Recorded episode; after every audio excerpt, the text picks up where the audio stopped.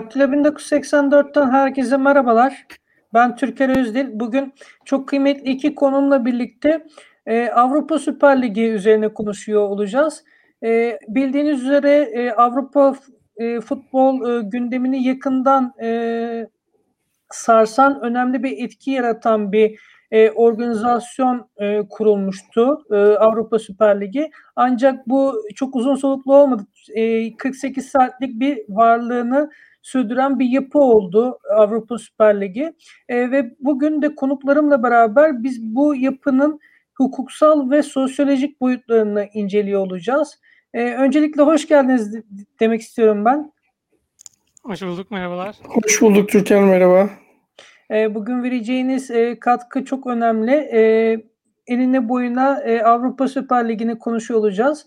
E, isterseniz e, şöyle bir başlangıç yapalım. E, be, yani zaten uzunca bir süredir e, bu fikrin altyapısı oluşturuluyordu Avrupa kamuoyunca. E, yani yaklaşık iki senedir zaten e, sık sık dile getirilen bir söylemdi bu.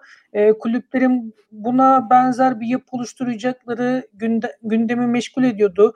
E, zaten UEFA'nın da buna benzer bir Şampiyonlar Ligi yeni, yeni bir Şampiyonlar Ligi dizayn etme e, girişimi de vardı. Ancak UEFA ve kulüpler arasında bir anlaşmazlık muhtemelen e, oluştu, uzla, uzlaşma sağlanamadı ve kulüpler de yeni bir e, kendi yapılarını oluşturmaya çalıştılar ve 19 e, Nisan itibariyle böyle bir açıklama yaptılar. E, peki ama neden şimdi, neden bu şekilde diye sormak istiyorum e, hazır böyle bir e, altyapısı varken e, UEFA'dan bağımsız bir şekilde e, kendi başlarına neden böyle bir yapı oluşturmaya çalıştılar? E, bunu sizden duymak isterim öncelikle. İstersen Abdullah'la başlayalım e, Furkan abi iznin olursa. Tabii ki de tabii ki de. İşin nasıl, hukuki tarafını görelim önce. Evet. Önce nasıl bir hukuksal e, altyapısı e, vardı bu e, ligin e, ve UEFA'dan bağımsız şekilde nasıl e, şekillenmeye başladı Abdullah? Tekrar merhabalar herkese. Ee, öncelikle e, bu güzel kanala ve programa davetiniz için teşekkür etmek istiyorum. Benim için de e, gündeme önemli bir etki doğuran bu süreçte konuşmak, e, senin moderatörünle konuşmak gerçekten keyif verici. E, ve şunu da ifade etmek isterim içerikle ilgili konuşmadan önce. E, bahsedeceğim bildireceğim görüşlerin tamamı kendi şahsi görüşümdür. Çalıştığım kurum ve kişileri bağlamayacaktır. Dolayısıyla e, şimdi bence çok değerli iki soru sordun. Yani neden şimdi ve neden bu şekilde? E, bence değerli iki soru. Bunu e, ek olarak bence çok süreçte sorular sormamız gerekecek. Yani daha fazla sorular sorarak biz de bu büyük çerçeveyi, büyük resmi daha rahat görebileceğimizi düşünüyorum. Dilersen önce biraz zamanlamadan bahsedelim. Ee, şu zamanlama izlendi. Yani Şampiyonlar Ligi e, yarı finalinde olan ekipler bunların tamamı biri haricinde hı hı. E, ve bu maçları bir hafta kalmış. Evet. Dahası e, pandeminin etkileri uzun süredir kulüplerin e, boğuştuğu bir şey. Aynı zamanda UEFA da ciddi mücadele veriyor. Yeni regülasyonlar, yeni talimatlar. Diğer hı hı. yandan e, Euro 2020 var yazın. Yani bu kulüpler e, Nisan'da Nisan sonunda açıkladıkları bir e, organizasyonu e, yıl sonunda yani daha doğrusu Eylül ayında yeni sezonun başlangıcında faaliyete sokacaklarını ifade ettiler. E, bu da sıkışık fikstürde biraz organizasyon açısından soru işareti açıkçası.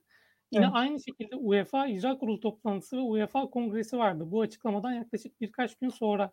Dolayısıyla e, zamanlama açısından ve dahası hatta şöyle de şunu da ifade edeyim. Bu kongrede UEFA Şampiyonlar Ligi'nin 2024 yılı ve sonrası format değişiklikleri görüşüldü. Bundan hı hı. önce UEFA kulüplerle e, bu yeni format hakkında onay aldı. Aslında bir uyuşmazlık da yok gibi gözüküyordu. Çünkü bizzat Ceferin ve Agnelli daha önce ECA'nin temsilcisi olarak bunu konuşmuşlardı. Hı hı. Tam bir ters köşe, inanılmaz bir zaman seçimiyle e, bu açıklama yapıldı bir internet sitesi üzerinde.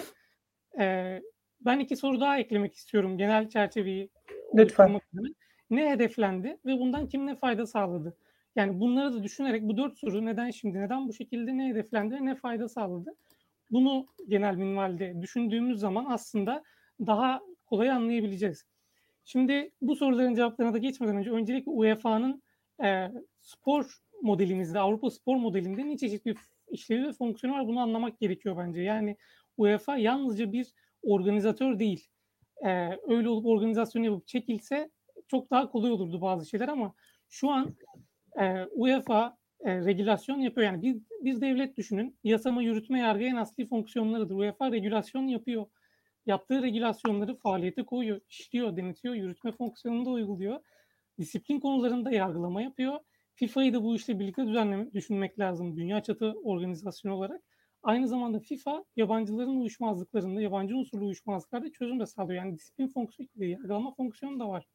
Hı hı. Şimdi bunların dışında transfer, lisanslama, tescil, e, yerel federasyonların altyapı ve tesis yönetimi bunlara çok ciddi destekleri var. Yani bu organizasyonda aslında kulüplerin yapmak istediği e, eylem e, bir ülkeden bir ülkeye seyahat gibi değil. Bir gezegenden diğer bir gezegene çıkmak gibi aslında. Çünkü şu anki bizim spor örgütlenmemiz tamamen UEFA FIFA piramit sistem. Birazdan Avrupa spor modelini daha detaylı alırsak daha detaylı bahsederim. Böyle bir mekanizmada işliyor. Hukuki olarak şunu da söylemek lazım. Bugün spor hukukunun en önemli e, unsuru spor hukukunun sporun bekleme ihtimali yok. Yani bir transfer oldu, sıkıntı oldu ya da bir oyuncuya bir ceza verilecek kulübe bir bunun bekleme imkanı yok. Haftalık, günlük işleyen süreçler. Dolayısıyla bir kas yargılaması var. Fakat daha da önemlisi bu kas yargılamasından çıkacak kararların farklı ülkelerde icra edilebilme vasfını FIFA aslında sağlıyor. Yani kulüpler bu karara kesin karara uymadı diyor ya da FIFA'nın verdiği bir karara. FIFA 30 gün 45 gün süre veriyor ya da diyor ki transfer yasağı getiririm ya da çeşitli sahir ağır yaptırımlar. Kulüpleri, oyuncuları ve tüm paydaşları buna uymaya zorluyor.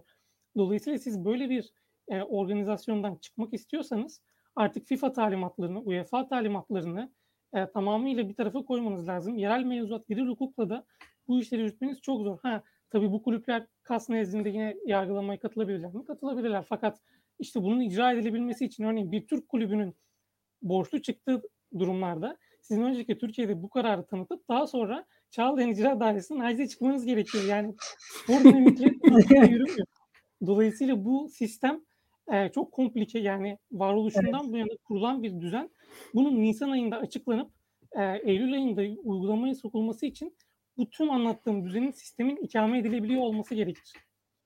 E, bakın Kesinlikle. bugün piramit sistemde tüm yerel federasyonlar talimatlarına bu hususları koymuşlardır. Yani birazdan değineceğim ama mesela TFF'nin e, statüsünde de der ki amatör veya profesyonel olarak bu ülkede futbol organizasyonlarına katılacaksan öncelikle bir FIFA kimlik numarası alman lazım ve bunun tescil edilmesi lazım. Eğer bu sisteme bu tescil numarasını almakla da siz UEFA ve FIFA kurallarını aslında kabul etmiş oluyorsunuz. Başka türlü bir profesyonel ya da fut, amatör olarak bir futbol faaliyetini ancak halı sahada yapabilirsiniz. Şimdi tabii bu e, UEFA'nın statülerinin, regülasyonlarının ya da bu kuralların e, ne, ne kadar hukuka uygun olduğu, bunun esneyebileceği tabii ki tartışılır. Yani e, sonuç olarak aslında hukukçu kimliğinin dışına dışarıdan baktığınız zaman bir sporun ya da bir organizasyonun yalnızca bir kurumun bunların hepsi dernek biliyorsunuz hiçbir Evet. kurum. Onların e, tek eline bırakılması tartışılabilir, tartışılamaz değil. Fakat şu anki düzlemde dediğim gibi bu çok ciddi bir e, emek, organizasyon, siyasi ve hukuki altyapı gerektiren bir süreç. Öyle Eylül ayında, e, Nisan ayında bunu e, açıklayıp Eylül ayında faaliyete sokulması açıkçası çok zor. Ben ilk bunu karşılaştırdığımda, karşılaştığımda e, emindim yani Şampiyonlar Ligi'nin 2022'de devam edeceğine emindim. E, burada birkaç soru daha sorabiliriz. Ne olabilir? Kim yapıyor bunları? Bu insanlar iş insanları, çok ciddi sermayeye sahip, dünyanın dört bir yanında faaliyet gösteren çok başarılı iş insanları. Çok Hı hı. ciddi bir e, lobi ve güçleri de var. Ben burada şunun sorulmasını çok mantıklı buluyorum. Yani bu e, insanlar hayatındaki herhangi bir projeyi bu şekilde lanse etmiş, lansman yapmışlar mı? Bu şekilde lanse etmişler mi? Yani WordPress internet sitesinde Twitter'dan duyuruyla bütün kulüplerin yıl sahibi açıklamasıyla böyle bir dünya futbol tarihini değiştirecek bir organizasyonu imza atmaları biraz e, soru işareti. Yine aynı şekilde Belki de hepimizi şaşkınlığa uğratan şey zaten bu, bu oldu. Gerçekten bu kadar yavan bir şekilde ya da dolu olmayan bir şekilde e, bu şekilde duyurunun yapılması oldu muhtemelen hepimizi şaşkınlığa uğratan. E, Abdullah istersen e, şimdi çok kısa da Furkan abiye söz vermek istiyorum bu noktada. Çok kısa, çok kısa bir yorum daha yapabilir miyim? Lütfen tabii tabii buyurun. Tabii. E, zamansal ve kişi bağlamında değerlendirmek için hani şablonu tamamlamak için Hı-hı. söylüyorum.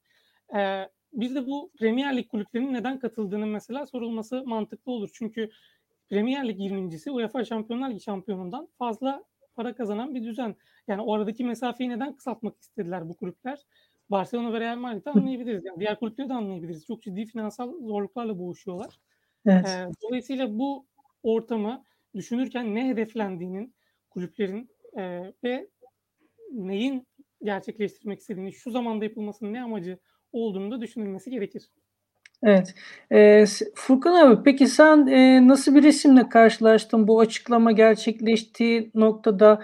Eee, şahit olduğun, gözlemlediğin tepkiler, eee, reaksiyonlar nasıldı? Ya, sen gerçekten bunun gerçekliğine inanabildin mi o gün, o saat itibariyle? Eee, şimdi öncelikle çok teşekkür ederim beni davet ettiğiniz için bu keyifli yayına yani gerçekliğine inanmak biraz şey kalır, abartı bir söylem kalır benim için. Çünkü aynı Abdullah'la aynı noktadayım. Yani bu Süper Lig'in kuruluş şeyi felsefesi aslında takvimdeki boşluklarda büyük takımların birbirleriyle maç yapacağı bir turnuva gibi bir yapılanma vardı. Hatta bunların yanında da işte başka bir takım 5-6 takımı daha ekleyip o takvimdeki boşluklarda böyle ekstradan bir gelir yaratacak ama aynı zamanda hem UEFA organizasyonlarında hem kendi yerel liglerinde devam edecekleri bir yapıydı kuruluş amacı. Ama ne oldu da birdenbire bunlar oradan çıkıp direkt olarak işte biz ayrı lig kuracağız'a geldiler. Her ne kadar e, anlaştılar dese de dense de yani bu UEFA'daki icra kurulu toplantısında oradaki Şampiyonlar Ligi'ndeki katılım kriteri ve gelir dağılımı ile ilgili bir rahatsızlıkları olduğunu düşünüyordum ben zaten. Hı hı. Çünkü yani aynı Abdullah'ın da dediği gibi yani hepsinin ciddi özellikle Barcelona ve Real Madrid bu işin başını çeken iki kulüptü. İkisinin çok ciddi bir maddi sıkıntısı var. Evet. Ee, İngiltere'deki kulüpler belki maddi yönden o kadar sıkıntılı değiller ama onların da yani e, İngiltere Ligi'ndeki o ağır rekabetten kaynaklı işte Arsenal'ın, Chelsea'nin çok uzun yıllardır Şampiyonlar Ligi'ne veya gidememesi, kendi liglerinde başarılı olamaması gibi bir takım sorunları var. E, Liverpool belki son senelerde biraz daha e, ileride daha şeyde gözüküyor ama onların da yani Premier Lig kurulduğundan beri sadece bir şampiyonluğu olduğunu unutmamamız gerekiyor. Premier Lig'e geçtiğinden beri İngiltere'deki sistem. E, bu açıdan baktığında e, şimdi tabii JP Morgan'ın da vaat ettiği para çok şey bir para, uçuk bir para. 300 milyon euro, 300 milyon evet. pound pardon, euro da değil hani ayak bastı parası diyebileceğimiz bir para olarak. E şimdi böyle bir para varsa e, kulüplerin sanki UEFA'ya biraz daha böyle e, bir takım şeylerin kararını daha erkene çekmesi için zorlamak adına böyle bir apar topar çıkış yaptıklarını düşünüyorum ben. İlk başta da zaten hani bu işin ölü doğacağı çok belliydi zaten. Yani e, öyle işte aynı dediği gibi yani koskoca işte yatırım fonları Amerika'da işte Liverpool'un sahibi olan e, yatırımın Amerika'da 3-4 tane daha takımı var. Beyzbolda, basketbolda, orada burada yani e, yani böyle bir e, şeyin oluşumun içerisine giriyorsun. Dediği gibi WordPress sitesinden yayın şey açıklıyorsun. Twitter'dan yazıyorsun biz kendimize lig kurduk hadi hayırlı olsun falan diye. Yani bu hiç profesyonellikle bağdaşmayan bir şey. Bu kadar büyük çaplı işte milyar pound'un konuşulduğu bir yerde hiçbir hazırlık yapmadan böyle bir şey duyurmak bu biraz daha sanki UEFA'yı baskı altına almak için yapılmış bir hamle gibi gözüküyordu. Ee, ama en nihayetinde bu kadar sert tepki alacaklarını belki de tahmin etmiyorlardı.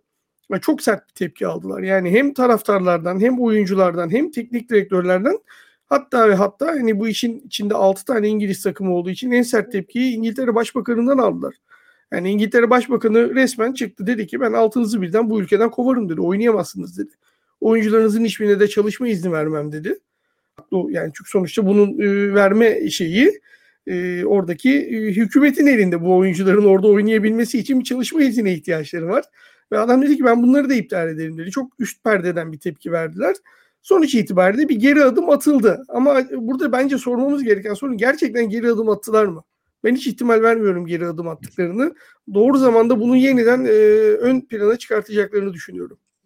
Zaten yeni bir açıklama yapıldı diye biliyorum. E, son olarak tekrardan bu e, ligin e, kurulabilmesi için şu an e, bo- boykot kararı alındı. İşte Arsenal, Liverpool ve e, sanırım Tottenham'la beraber Şampiyonlar Ligi'ni boykot etme kararı aldılar. Ama şu an zaten e, İngiltere Premier Ligi'ndeki e, sıralama e, konumları itibariyle zaten bu lige şu an itibariyle katılamıyorlar. Belki de e, onun da verdiği rahatlıkla birlikte bu boykot kararını alabiliyorlar. E, isterseniz şu e, soruyla devam et, etmek istiyorum ben. E, e, işte taraftarlar, e, kulüp, e, taraftarlar, basın, e, işte medya organları çok büyük tepki gösterdiler. E, kamuoyunda çok büyük tepki yarattı bu girişimin hayata geçiş süreci.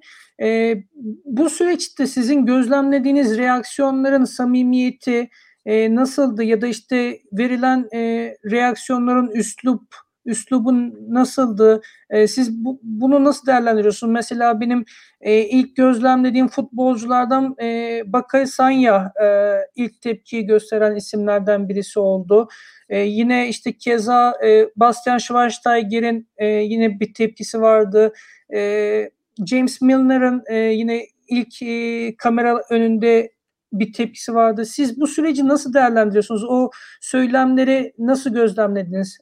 E, istersen Furkan abi senle başladım. Daha sonrasında Abdullah'a söz vermek Peki, istiyorum.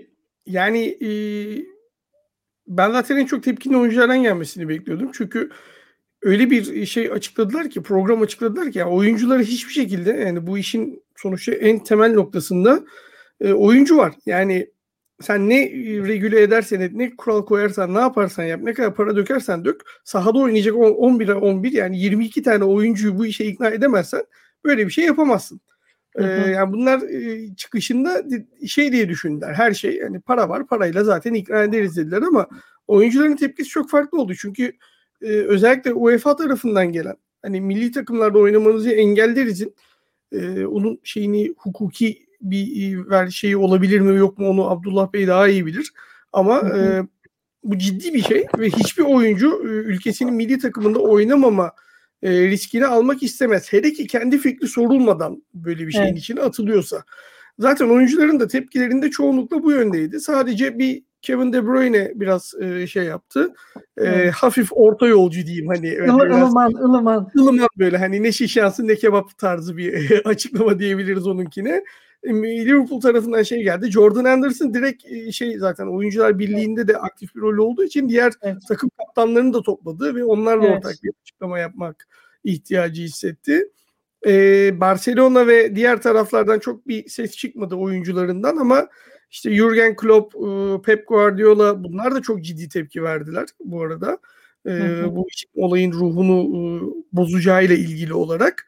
Ee, velhasıl yani futbol dünyasının bu tepkiyi vermesi çok güzel. Ben bir tane e, Twitter'da Arsenal taraftarının videosunu gördüm. Yani bizi dedi Süper Lig'e alıyorsunuz dedi. Hangi Süper Lig dedi? Hangi Arsenal dedi? Daha geçen hafta Fulham'ı yenemedik biz diyor. İsyan ediyordu. Yani bu takım bu süper e, takımda evet. Süper Lig'de oynayacak. Kendi ligimizde şampiyon olamıyoruz. Senelerdir Şampiyonlar Ligi'ne gidemiyoruz diye bir isyan etmişti. Ama en sonunda söylediği çok çarpıcı bir cümle vardı. Yani ben dedi son dakikada küme düşen takımdan gol yemeyi seviyorum belki dedi. Belki o şekilde puan kaybetmeyi seviyoruz dedi. Kimse bize bir şey sormuyor dedi. Ben dedi her hafta dedi Bayern Münih'le veya Real Madrid'le oynamak istemiyorum ki dedi. Aslında bir de çok eğlenceli bir şey var. Ee, Tahsin Hasoğlu var. Bilmem takip eder misin? Evet. evet. Ya onun çok güzel bir şey var. Böyle skeçler çekiyor ya. Oradaki cümlesi çok hoşuma gitti. Ölüm grubunu ölü arıyorlar diye bir cümlesi var. Hakikaten evet. öyle bir durum yani. Hani biz 10 tane 12 tane büyük takım birleştik. Zaten biz kafadayız. Yanımıza 5 tane daha alalım. Siz de işte orada kenarda e, alt tarafta takılırsınız. E, biz ise para veririz bunun için gibi. Böyle bir şeyle Süper Ligi kurmalarına ben ihtimal vermiyorum. O yüzden oyuncuların tepkisi çok önemli burada. Ama tabii işin bir de hukuki tarafı var. Yani şimdi mesela benim kafamda onu e, iyi, ki, iyi ki de burada bir avukat var. Ona da sormak istiyordum. Yani oldu ki Süper Lig kuruldu diyelim ve bir tane takımlara işte FIFA, UEFA yaptırımları uyguladı. Oyuncu tek taraflı sözleşmesini feshedebilir mi? Kardeşim bana mı sordun benim milli takımda oynama hakkımı elimden alırken deyip ve bunu yaptığı zaman mesela ne olacak? Yani e, mesela Real Madrid kulübünde e, oyuncu e, sözleşmesini feshetti diyelim ki Toni Kroos. Ben de Almanya milli takımda oynamak istiyorum. Ben ülkemi seviyorum dedi. E ne yapacaklar? Kasa mı gidecekler? Ne olacak mesela? Bunu kimse düşündü mü? Çok merak ediyorum. Burada Abdullah cevap hakkı doğdu. Ancak ben çok kısa bir araya girmek istiyorum. Ee, ya bu soruyu sormamın asıl nedeni e, şu. E, çünkü e, endüstriyel futbola karşılık e, romantik futbolun vermiş olduğu bir cevap da aslında bu. Ve aslında taraftarların, işte futbolcuların gösterdiği bu tepki aslında bu iki unsur arasında bir dengeyi kurduğumuzu aslında gösteriyor. Çünkü çoğu zaman e, bize sorulur işte endüstriyel futbol mu, romantik futbol mu?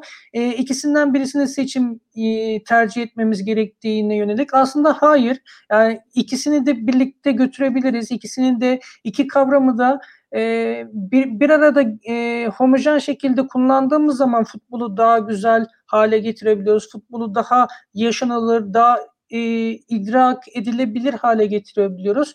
E, işte bu iki kavramın iç içe birlikte güçlü bir şekilde girdiğinin bir kanıtı e, olduğunu düşünüyorum. Taraftarların ve futbolcuların bu noktada duruşunu e, yansıttığını e, düşünüyorum. E, bu yüzden sormuştum. Şimdi de e, istersen Abdullah söz verip senin e, sorunun cevabını alalım. Ee, öncelikle e, hemen Furkan Bey'in bir e, sorusunu çok kısa cevaplayayım ama zannediyorum ki işin hukuki boyutunu daha geniş çerçevede tartışacağımız e, önümüzdeki süreçte zamanımız Evet. olur. Evet. Yani bu bana göre FIFA regülasyonlarına göre haklı sebep, haklı sebep dediğimiz e, fesih sebebini oluşturur. Ama tabii burada biz FIFA ve UEFA talimatlarından çıktık, bu piramit sistemden çıktık dedikleri zaman yerel hukuk belki gündeme gire, girebilir. E, burada yine aynı şekilde yani Türkiye'de olduğu takdirde ben yine e, bir kulübün Süper Lig'e girmesi halinde oyuncunun haklı sebeple feshedebileceğini düşünüyorum. Çünkü sözleşmenin şartlarında sözleşmenin imza anında olmayan bambaşka şartlarla oyuncuyu farklı bir şeye zorluyorsunuz. Dolayısıyla bu mutlaka değerlendirilecektir. Ee, buna şimdilik kısa bir cevap vermiş olayım. Fakat e, endüstriyel futbol ve romantik futbol e şimdi iki spor sever olarak biz konuştuğumuzda pek de bir özellikle Avrupa spor modelinde Avrupa'da büyümüş insanlar olarak sporun e, çok farklı yönüyle biz büyüyoruz. Dolayısıyla Hı hı. romantik olmamız çok doğal. Yani Amerika'da bir baba çocuğunu omzuna alır, kulübünün maçını izler, 80 sayı farkını yese de oradaki sahadaki organizasyonla, çeşitli eğlence aktiviteleriyle bu çok mutlu şekilde eve dönebilir. Ama bizim ülkemizde ya da diğer Avrupa ülkelerinde bu biraz böyle değil. Bizim e, başarının sahada arandığı, e, bir takım duygusal yüklemelerin sahada yapıldığı, kazanma odaklı, e, kimi zaman için bir savaş nedeni, Ceferin öyle dedi, savaş çıkarabilir, savaş sonlandırabilir futbol dedi. Yine milliyetçi duyguların ön planda olduğu e, bir e, olgu, koşulsuz sevilen, yani benim arkadaşlarım var İstanbul'dan Diyarbakır'a otobüslerin yol kısmında 25-30 saat otobüs yoluyla deplasmana gidiyor. Şimdi siz Amerika'daki o şeyi bunu anlatamazsınız Amerikan insanına. Evet. Dolayısıyla bu endüstriye yani bu da bir yandan hayatın gerçeği. Dolayısıyla eğer biz e, günümüz koşullarında 3 milyar 4 milyar insanın aşağı yukarı her gün futbolla ilgili bir aktiviteyi okuduğu, ilgilendiği söyleniyor. Şimdi bu şartlar altında da bu işin endüstriyelleşmemesini savunmak savunmamakta olmayacaktır. Dolayısıyla bir dengenin kurulması gerekiyor. Tabii işin yönetim kısmındakiler e, daha fazla para odaklı olacaktır, daha fazla başarı odaklı olacaktır ama bunun diğer paydaşları da var. Dediğiniz gibi futbolcular, kulüpler, taraftarlar bu işin asli unsurları ve paydaşları. Böyle bir dünya futbol tarihini değiştirecek bir kararın da ne oyunculara ne teknik direktörlere ne de taraftarlara sorulmaksızın alınıyor olması zaten bu işin başarısız olacağının e, çok büyük bir göstergesiydi. Ama işte burada ne hedeflendiğe gelmek lazım. Şimdi e, 2004 yılı UEFA'nın yayın haklarının e, yayın hakları sözleşmesinin bittiği tarih. Dolayısıyla yeni format bu tarihten itibaren yürürlüğe giriyor. Euro 2020'den sonra çok ciddi bir e, pazarlık pasta şeyi olacaktır, paylaşımı olacaktır. Şimdi dediğim gibi Avrupa'da e, dernekleşmeden şirketleşmeye evrilen bir kazanç yararı olmaksızın bir olgunun e, sonuçlandırılmasını hedefleyen bir düzenden daha profesyonel, kurumsallaşmaya yönelik bir düzene geçiş yapıldı. Dolayısıyla e, burada Amerika ve Avrupa spor modellerinin iyi kıyaslanarak iyi oturtulması lazım. Yani böyle bir değişim olacaksa da tüm paydaşların dahil edildiği, şimdi mesela İspanya ve e, Fransa'da oradaki hukukçuları dinledim geçen gün. Spor Hı hı. yasalarının tekrar revize edilmesi, eee, kulüplerin karar mekanizmalarında taraftarın temsiline yer verileceği konuşuluyor. Ya, Bundesliga'da bu biraz daha 50+1'lik sistemle yapılıyor. Bizim ülkemizde de yine, eee, derneği karar mekanizmasında baskın olması gerekiyor. Ya, bu çeşitli yolları aramaya çalışıyorlar. Fakat tabii taraftar da homojen bir grup değil ve manipüleye biraz da açık bir grup. Ya, dolayısıyla bunun, eee, bir yolu bulunmalı. Yani ben Süper Lig fikrinin de evet bugün başarısız oldu ama yarın herhangi bir spor paydaşı rafa kalktığına inanmıyor. Dolayısıyla Evet. bu şekilde uzun vadede ya da orta vadenin olacak diye düşünülüyor. Fakat bu işte organizasyon, hukuki ve siyasi altyapısının, eee, doğru bir şekilde, eee, oluşturulması gerekiyor. Çünkü Boris Johnson'dan bahsetti Furkan Bey. Çok doğru. Yani burada aslında şunu söylemek lazım. Boris Johnson'ın İngiltere'de bu maçları oynatmam demesi çok hukuki gelmiyor bana. Yani bu mutlaka bozulacaktır, dönecektir ama sonuç olarak bir yetki var ve bu yetki kullanıldıktan sonra bu hukuk yollarının aranması ve, eee, ortadan kaldırılması bu işlemin zaman alacaktır. Bu zamanda da bu uygulanmayacak sonuçta. Gerçi, eee, Madrid mahkemelerinde bir tedbir kararı aldırdı Süper Lig şirketi. Eee, FIFA'nın ve UEFA'nın mesela kendisine zarar ceza vermemesiyle alakalı bu süreç sonlanana kadar. Fakat bunların işte geçerliliği hep hukuki bir, eee, süreçtir ve hı. bence kulüplerin böyle bir girişimden önce hukuki süreçleri baştan yapmaları daha sağlıklı. Yani kendileri de bakın bir organizasyon kurmak $3,5 milyar bahsediliyor. Bu pasta, dağıtılacak para. Hı Böyle bir hı. organizasyonun herhangi bir sebeple sekteye uğramasını riske edemezsiniz.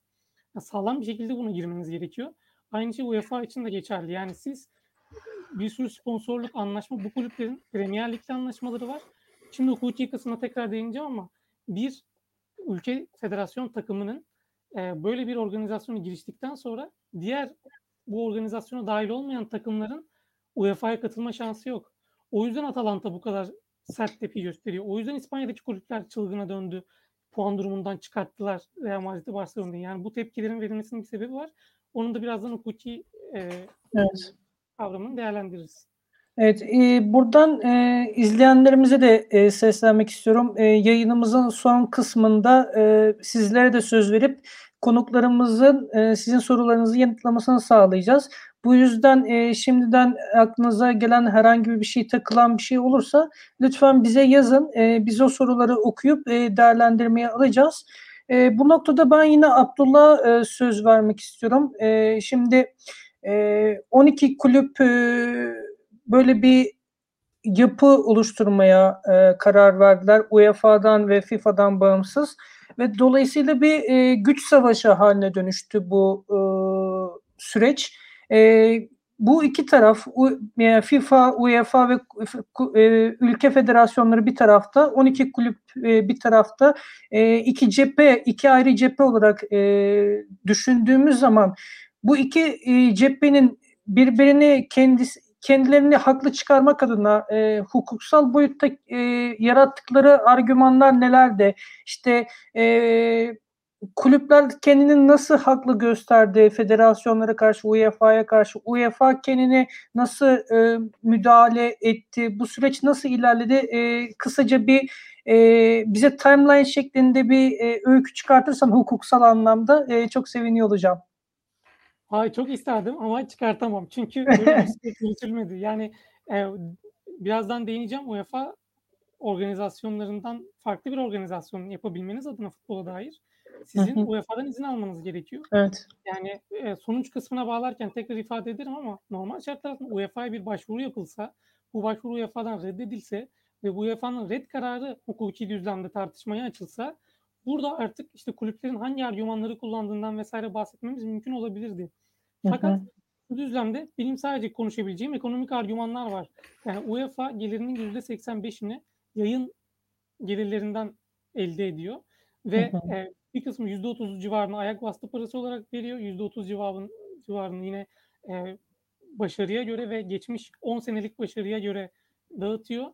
Emm, şimdi burada Şampiyonlar Ligi şampiyonu €110.000.000 civarı bir gelir elde ediyor. Hı hı. Son yılda başarılı bir performans sağladıysa. Bakın bu €110.000.000 finale oynayan takımların 3 futbolcusunun maaşı.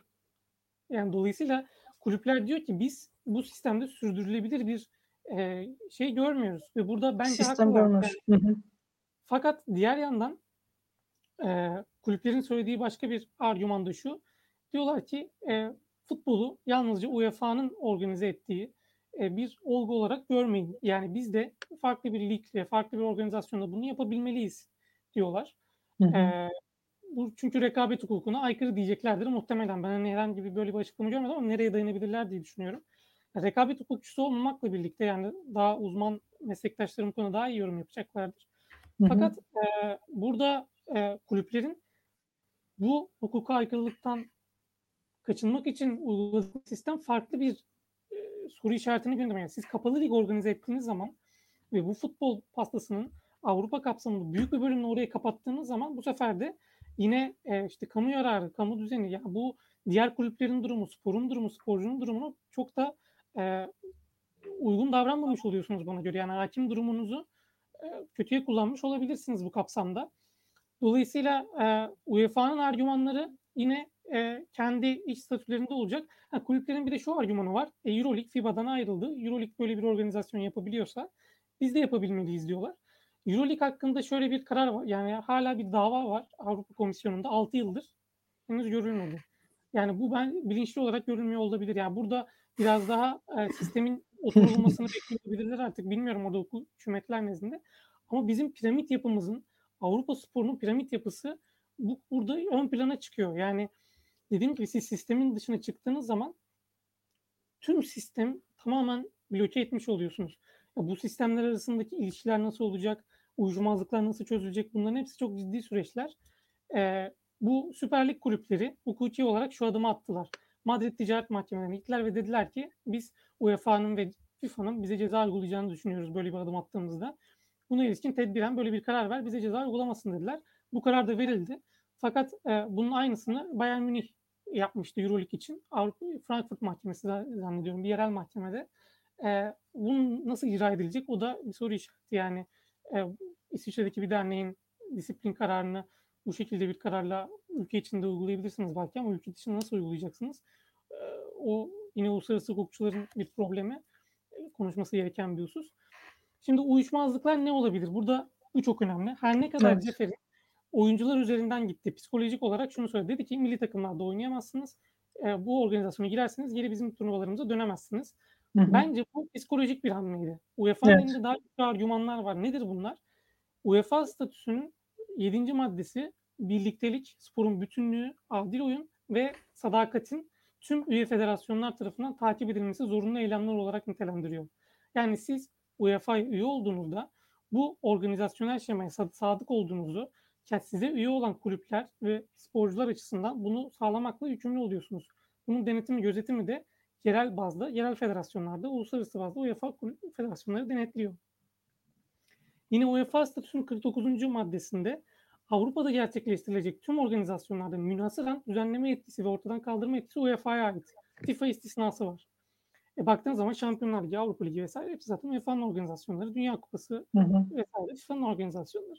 Yine aynı statünün 51. maddesi üye federasyonlara tabi kulüplerin e, hazırlık maçı oynamasında dahi UEFA'dan izin alması gerektiğini söylüyor. Bunu niye yapıyor?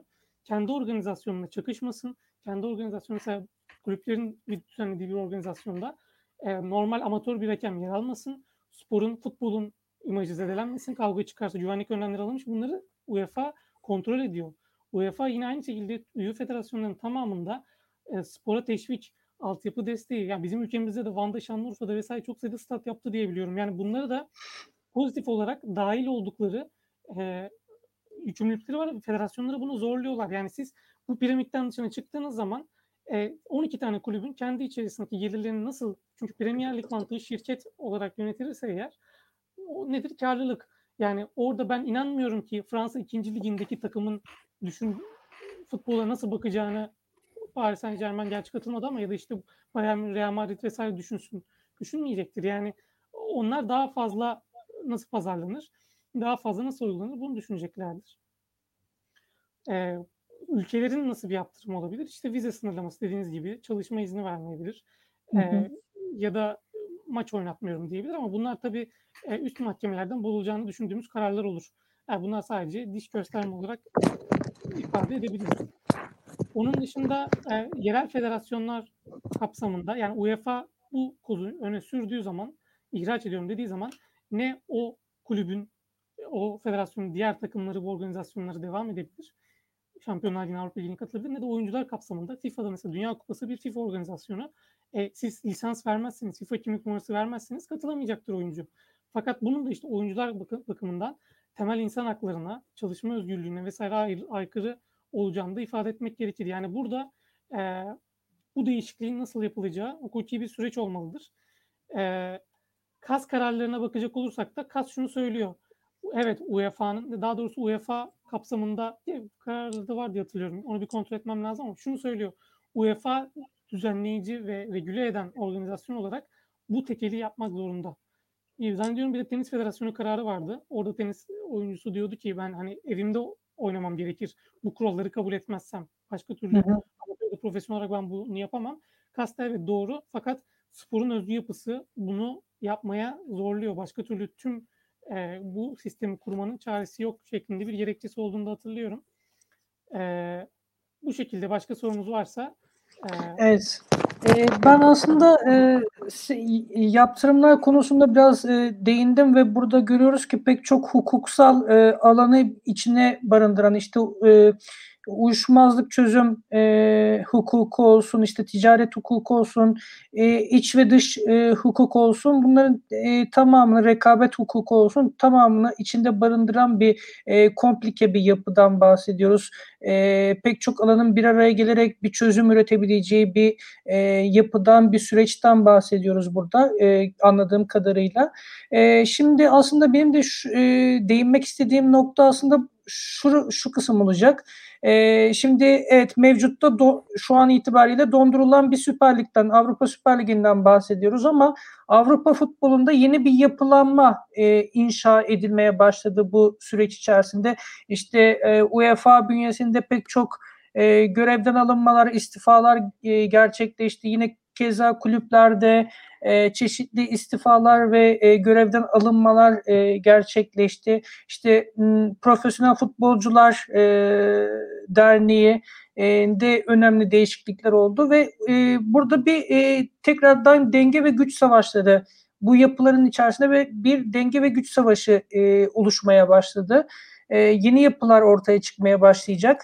E, bu süreçte e, iki tarafın da birbirlerine karşı gösterecekleri resmi veya gayri resmi e, yaptırımlar neler olacak? Sizin beklentileriniz, öngörüleriniz ne yönde bu noktada? İstersen Furkan abiyle başlayalım şimdi. Daha sonrasında e, Abdullah sana söz vermek istiyorum.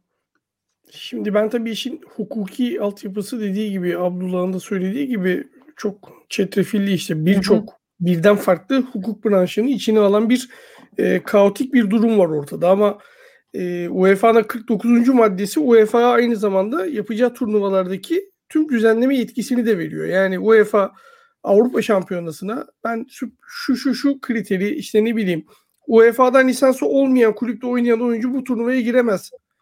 UEFA lisans işte CG numarası olmayan oyuncu bu turnuvaya giremez. O kulüp o da oynamayan oyuncu diyebilir.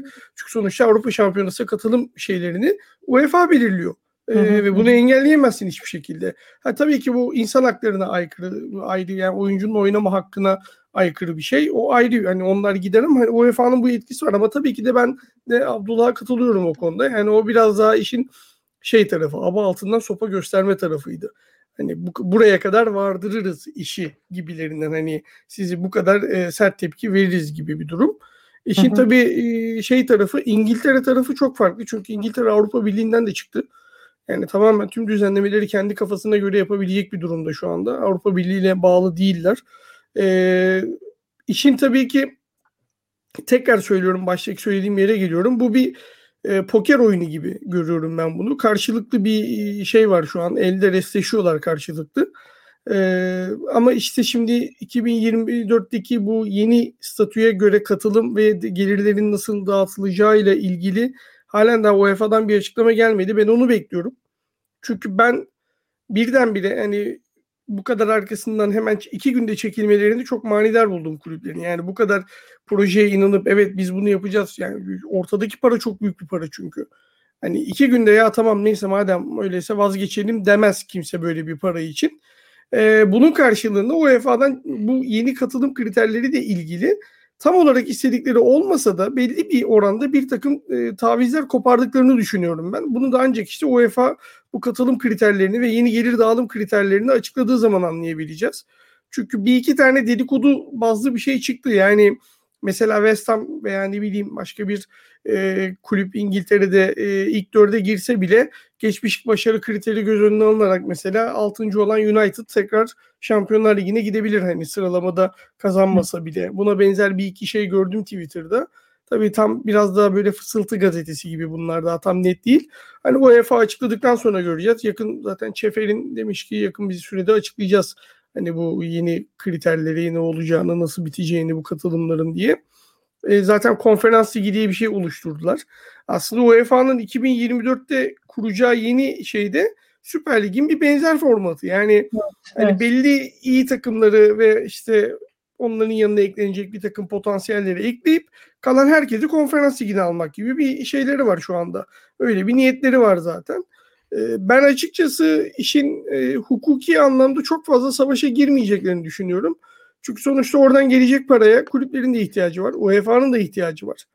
E, kulüplerin çıkış noktasında bir haklı oldukları yer var. Şimdi gerçekten evet tamam ben de işte romantik deniliyor ya hani bu şeylere. romantik yani, tabii ki de seviyorum. Ben işte Ludogorets'in Şampiyonlar Ligi'nde veya Karabağ'ın Şampiyonlar Ligi'nde gidip Atletico Madrid'den puan alması benim hoşuma gidiyor. Ama biliyorum ki eninde sonunda o ligin finalinde Bayern Münih, United, işte City veya Juventus, Paris Saint Germain gibi takımlar olacak çeyrek finalden itibaren. Diğerlerinin gelme ihtimali olmayacak. Bunu biliyorum. Ama o grup aşamasındaki o heyecan da hoşuma gidiyor. Bunu da seviyorum. Ama kulüplerin de söylediği şey çok doğru. Yani bugün Real Madrid, Barcelona veya e, şey olmasa e, başka bir işte diğer büyük takımlar olmasa Şampiyonlar Ligi bu kadar büyük paralara satılır mı ya da bu kadar çok izlenir mi? Ben hiç sanmıyorum açıkçası. Hani bu noktada kulüpler biraz haklılar. Biz e, katma değer varsa ortada bunu en çok yaratan kulüpler doğal olarak bu pastadan biraz daha fazla pay istiyorlar. Ama orada benim sadece yani buna kızdığım nokta ne? Kulüplere kızdığım nokta oyuncu maaşlarından şikayet ediyorlar ama olayı buraya getiren kendileri. Yani e, Real Madrid bundan 20 sene önce 100 milyon euro kazanırken de 200 milyon harcıyordu. Şu an 500 milyon euro kazanırken 700 milyon harcıyor. Şu anda da diyor ki ben 800 milyon euro kazanayım ama 1 milyar euro harcamaya devam etmek istiyorum diyor. E bu zaten sürdürülebilir bir şey değil. Yani bunu önce düzeltmek gerekiyor. Yani oyuncu maaşlarının buraya çıkmasının tek sorumlusu gene kulüpler. Evet. Yani kendi yarattıkları şeyden şikayet ediyorlar şu anda bence. Kendi yarattıkları ekonomiden şikayet ediyorlar gerçekten. Ee, Abdullah senin bu noktadaki düşüncelerin, öngörülerin ne, ne yönde? Ay Furkan Bey katılmamak elde değil zaten bu aşamada. Yani eğer siz bir kulüp olarak bir menajere bir transferde 60 milyon euro verirken verebiliyorsanız 110 milyon euro kazandığınız bir turnuvada kazanmanız halinde yani orada biraz da kendinize bakmanız gerekiyor tabii ki. Yani e, şimdi burada e, kulüpler pek tabii şunu istemiyor. Yani ben Real Madrid olarak İsrail'e gidip oradaki bir takımla oynayayım. Rusya'ya gidip oradaki bir takımla oynayayım. Zaten fikstürüm sıkışık. Ya da milli takımlarda çok fazla organizasyon oluyor UEFA'nın. Yani Avrupa Şampiyonası oluyor. Şimdi Uluslar Ligi var. Orada oyuncum sakatlandığı zaman mesela Beşiktaş şu an çok şikayet ediyor. Abu Bakar gitti işte Cenk Tosun gitti. Mesela belki de yerel ligdeki şampiyonluğu gidecek. Dolayısıyla çok fazla organizasyon, çok fazla maç oynuyoruz diyorlar. Bu karşılaşmaları oynarken de e, çok sıkışık fikstür, fikstürde oynuyoruz ve bizim küçük takımlarla yaptığımız karşılaşmalar izlenmiyor. Yani bu işin e, getirisini arttırabiliriz. Eğer yüksek güçlü takımlarla sürekli oynarsak diyorlar. Bu haksız bir argüman olduğunu söyleyemeyiz. Yani niye böyle istiyorsun diyemeyiz. Tabii ki futbolun bir de e, işte o romantik tarafı var ve e, tabii ki küçük kulüplerde işte mesela Cefer'in vurgu yaptığını dedi Galatasaray'da ihtiyacımız var. Yani bir kulübün öyle bir başarıya imza atması şu an tabii ki çok zor, mümkün değil ama diğer kulüplerin de böyle sürpriz yapabilmesinin açık olması lazım. Eğer siz başarı kriteri olmaksızın kapalı bir lig kurarsanız bu işte bizim piramidimize aykırı. Niye aykırı? E, Premier Lig'de küme düşen bir takımın seneye aynı organizasyonda orada olması garanti. Dolayısıyla bu sporun rekabetçi yapısına ve özüne de dokunuyor. E, bu şartlar altında bir de bunun en büyük sıkıntısı e, siz 12 tane kulüp olarak geri kalan tüm 300-500 kulüp arasındaki uçurumu inanılmaz derecede aşıyorsunuz. Yani futbolu her sene bu kulüplere 300-500 milyon euro getiri elde edilecekse söylenildiği gibi diğer kulüpler nasıl mücadele edecek? Burada adil bir rekabetin olduğunu söylemek mümkün değil. Dolayısıyla buna çok izin verilmeyecektir. Ee, ve şunu düşünüyorum yani kısa vadede e, yine zamanlama burada bu yüzden önemli. Yani Şampiyonlar Ligi karşılaşmalarının olduğuna bir hafta önce bunu açıkladılar. Bu bir haftada UEFA'nın organizasyonları e, ertelemesinin ya da kulüplere ceza vermesinin çok fazla mümkünatı yok. Çünkü fikstür yok. Yani ligler fikstürde çok sıkıştı. Avrupa Şampiyonası da geldi. Şu an turnuvayı ertelese ne zaman oynatacaksınız? E, bunun bir de yayıncı kuruluş anlaşması var. Sponsorlarla anlaşmaları var. Kulüplerin kendi takvimleri var. Transfer dönemleri var. Ya UEFA'nın fonksiyonu gerçekten inanılmaz bir fonksiyon şu anki şeyde. Çok fazla şeyi regüle et, izlemek durumundalar.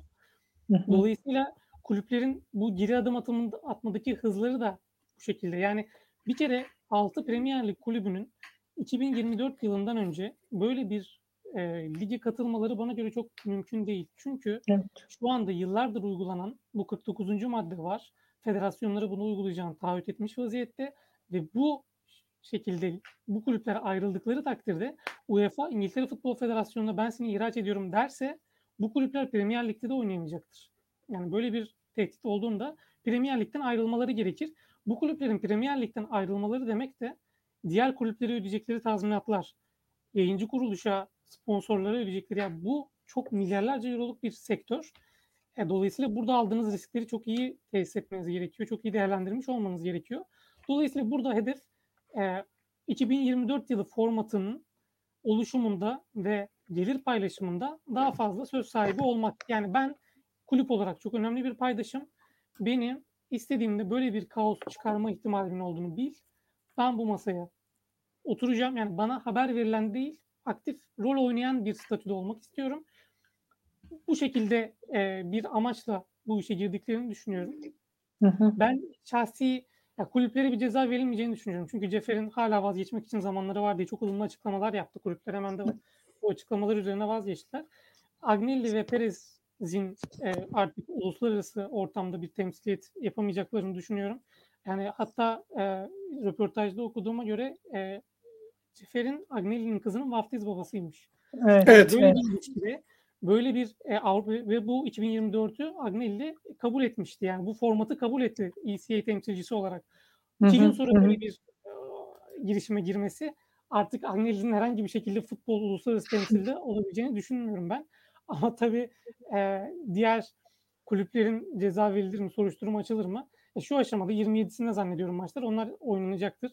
Hiçbir problem olmayacak. Yani Twitter'da aynı gece UEFA direkt turnuvaları iptal etti. Yok men etti kulüpleri. PSG Evet. şampiyon oluyor gibi şeyler yok. Yani bu bu kadar kolay değil. UEFA'nın da anlaşmaları var. UEFA'nın da yine kulüplerin men etmesi demek Sponsorları var. Evet. Sonuçta e, admissibility'ye okey demişsiniz. Yani siz uygunluk kriterine okey vermişsiniz sezonun başında. Böyle Hı hı. bir karar alması UEFA'nın da alacağı çok risk olarak görmüyorum. Dolayısıyla hani e, kulüplere ceza çok verilmeyecektir. Kişilere, şahıslara yaptırım belki olabilir ama bu da ceza olarak değil de psikolojik olarak bir oluşum olarak de facto olacaktır diye düşünüyorum. Evet. Eee, ben uzun vadede şöyle orta vadede kulüplerin 2024'ü bir deneyeceklerini, yeni yayın- yayın anlaşmalarını bir bakacaklarını, orada tartışacaklarını düşünüyorum. E, taraftar oluşumlarının, organizasyonlarının, futbolcuların ve teknik direktörlerin e, Premier Lig'de olduğu gibi daha güçlü olarak örgütlenmeleri gerekiyor. Ya bu çok net. Çünkü e, artık her şeyi en son öğrenen, her şeye rıza göstermek zorunda. Mesela İlkay Gündoğan Twitter'dan dedi ki ya tamam hani böyle bir organizasyon vardı. Yağmurdan çıktık ama doluya da tutulabiliriz. Yani yeni organizasyonda 6 Şampiyonlar Ligi yerine 10 Şampiyonlar Ligi maçı oynayacağız. Ya biz de insanız diyorlar bir yerde. İşte Covid oldu. Sporcular oynamak durumunda kaldı. Ee, Biz bırakıyoruz diyemediler. Bu da çok tartışılmıştı o zamanlar yazdık konuştuk ama yani futbolcuların artık daha net bir şekilde bu paydaş olarak kendini hissettirmeleri lazım. Taraftarlar artık daha yine sert bu tepkiler bence geometrik büyür. Bu kapalı ve birilerinin çıkarına hizmet eden e, organizasyonlar yapılırsa e, orta vadede kulüpler bunu deneyecektir. Uzun vadede ise ben UEFA'ya bu statüdeki maddeye dayanarak bir yazılı başvuruda yapılacaklarını düşünüyorum. Yani bunun e, yani bugün erteleseniz yarın yenilik oluşumu düşüncesi 30 yıldır olduğu gibi e, yine halı altından çıkacaktır ve e, UEFA'nın bu kararı üzerine e, yasal haklar arandıktan sonra bir takım e, daha organizasyonel ve hukuki süreç oturduktan sonra belki bu Süper Lig minvalindeki benzer bir fikri 2030-2033 yani bu tarz böyle daha e, oturarak daha sağlam temellerle olacaksa o şekilde olabilir. Bu da bence UEFA sisteminin tamamen dışına çıkmadan UEFA kurallarına da bir şekilde bağlı kalarak bu transfer tescili e, işte e, uyuşmazlık çözümü konularında yine UEFA ile işbirliği olarak bilmiyorum artık bir karışık düzen mi inşa edilir. Tabii bunlar çok uzun vadede düşünecek şeyler. Şu anda hiçbir bilgi veri yok.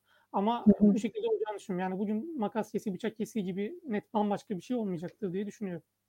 Evet bence de e, yani uzun vadede bu projenin hayata geçeceğini düşünüyorum ben. E, ama tabii bunun için bir e, e, zamana ihtiyaç var. İşte hukuksal prosedürlerin, ticari prosedürlerin hayata geçmesi gerekiyor. Lobi süreçlerinin devreye sokulması gerekiyor. Zaten bunun UEFA, FIFA ve işte ülke federasyonlarıyla uzlaşılarak e, bir karara, bir yapıya e, bürünmesi gerektiği kanaatindeyim. Zaten o şekilde iler, ilerleyebileceğini düşünüyorum ben. Yoksa işte e, şu an gördüğümüz, karşılaştığımız manzaradaki gibi bir güç savaşı, bir e, işte e, yaptırım süreçlerini e, aşarak e, ancak bu şekilde hayata geçirilebileceğini, ticari fonksiyonların e, değer kazanabileceğini düşünüyorum ben. E, ancak şunu unutmamalıyız ki yani sadece futbol değil, sadece spor değil, tüm e, yapılanmalar, tüm organizasyonlar e, gücünü yerelden alırlar.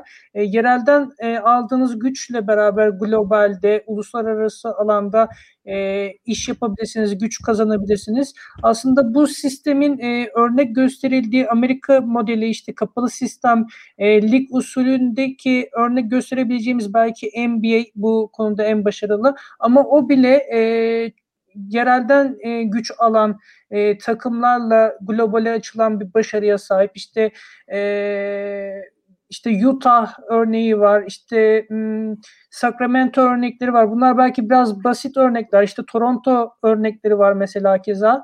E, bunlar önemli şehir takımları e, ve şehrin yerelden aldıkları güçle beraber, o dinamikle beraber uluslararası boyutlara açılabiliyorlar.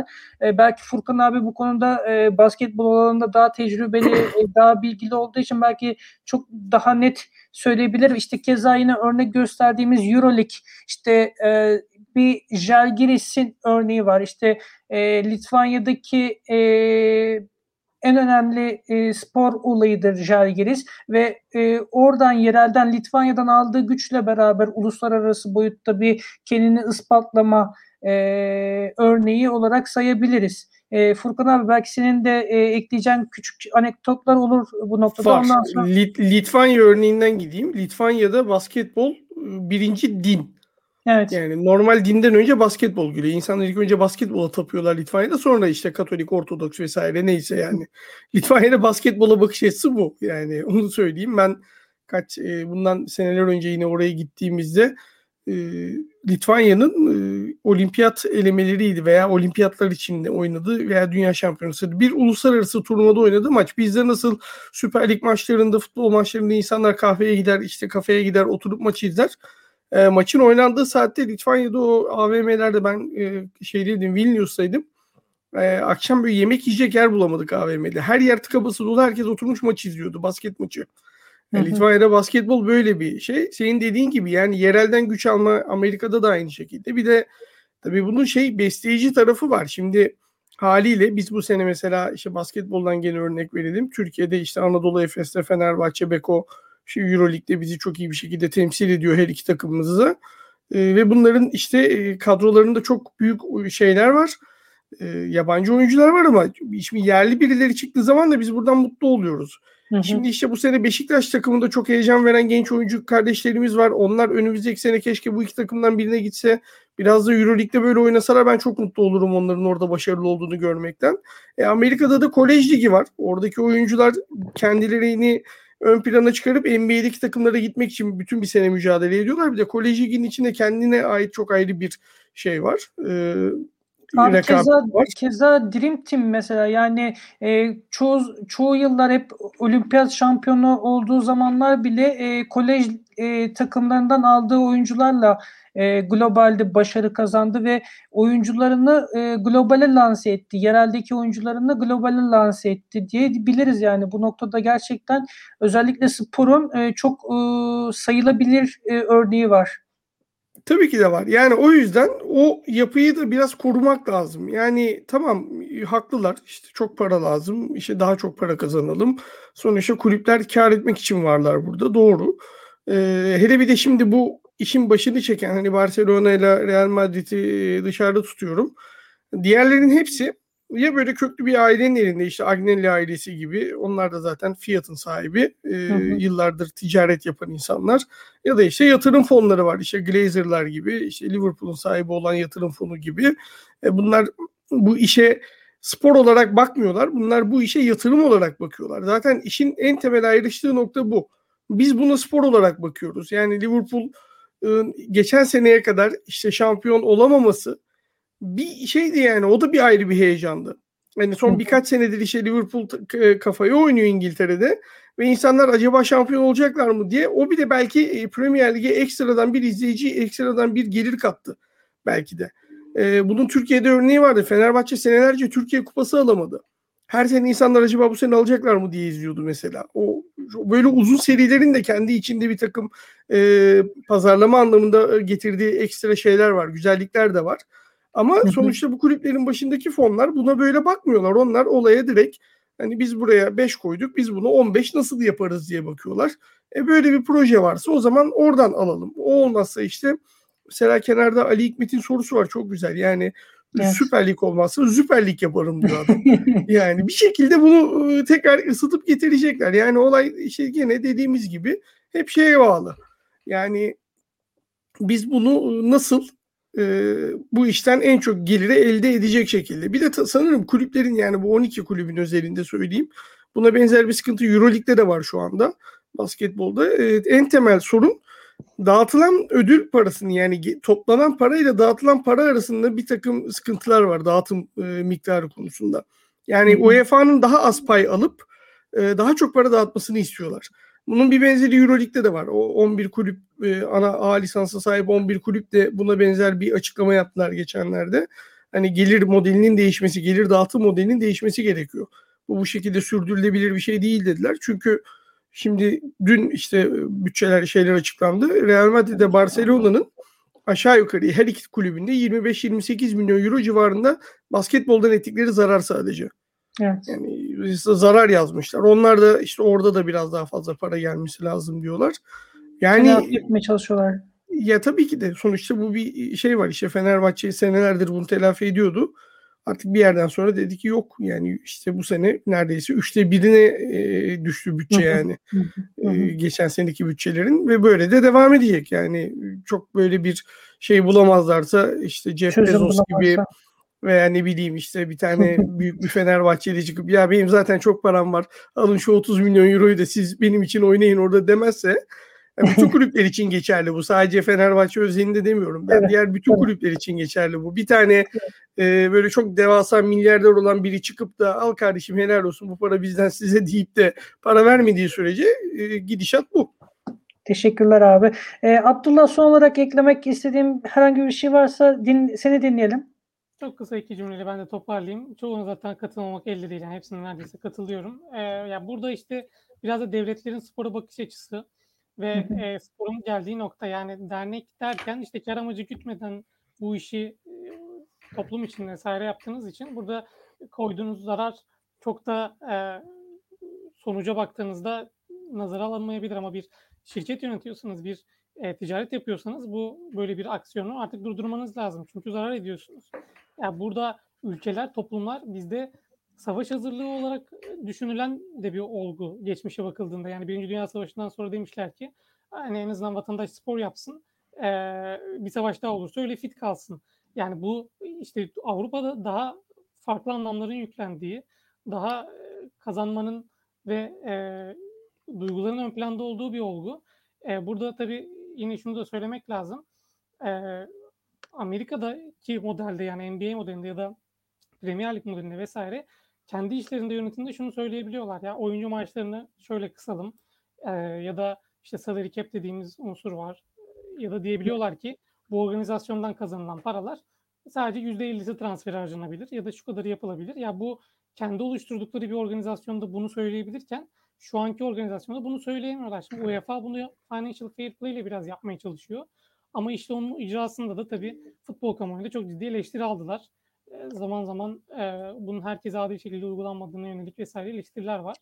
E, yani ben financial fair play'in raporları okuduğumda epey başarılı olduğunu da görüyorum. Yani kulüpler biraz daha kendilerini düzene sokmuş gibi gözüküyorlar. E, ya bu aslında işte nereden bakacağınızla ilgili tek tek baktığınızda, dinlediğinizde her argümana hak veriyorsunuz. Kulüplere de hak veriyorsunuz. E, UEFA ya da diğer düzenleyici organizasyonlara da hak veriyorsunuz. Bakalım yani ne olacak? Hep beraber izleyip göreceğiz. Ee, her ikinize de çok teşekkür ederim. Çok e, güzel, keyifli bir sohbet oldu. E, çok değerli bilgilerinizi paylaştınız. E, düşüncelerinizi, öngörülerinizi paylaştınız. Katkılarınızdan ötürü çok teşekkür ederim. Yayınımızı beğendiyseniz beğenme tuşuna e, basabilirsiniz. Bize e, destek olabilirsiniz. Kanalımıza abone olabilirsiniz. E, haftaya Sporos var programı yine Daktilo 1984'te olacak. E, haftaya görüşmek üzere. Hoşçakalın.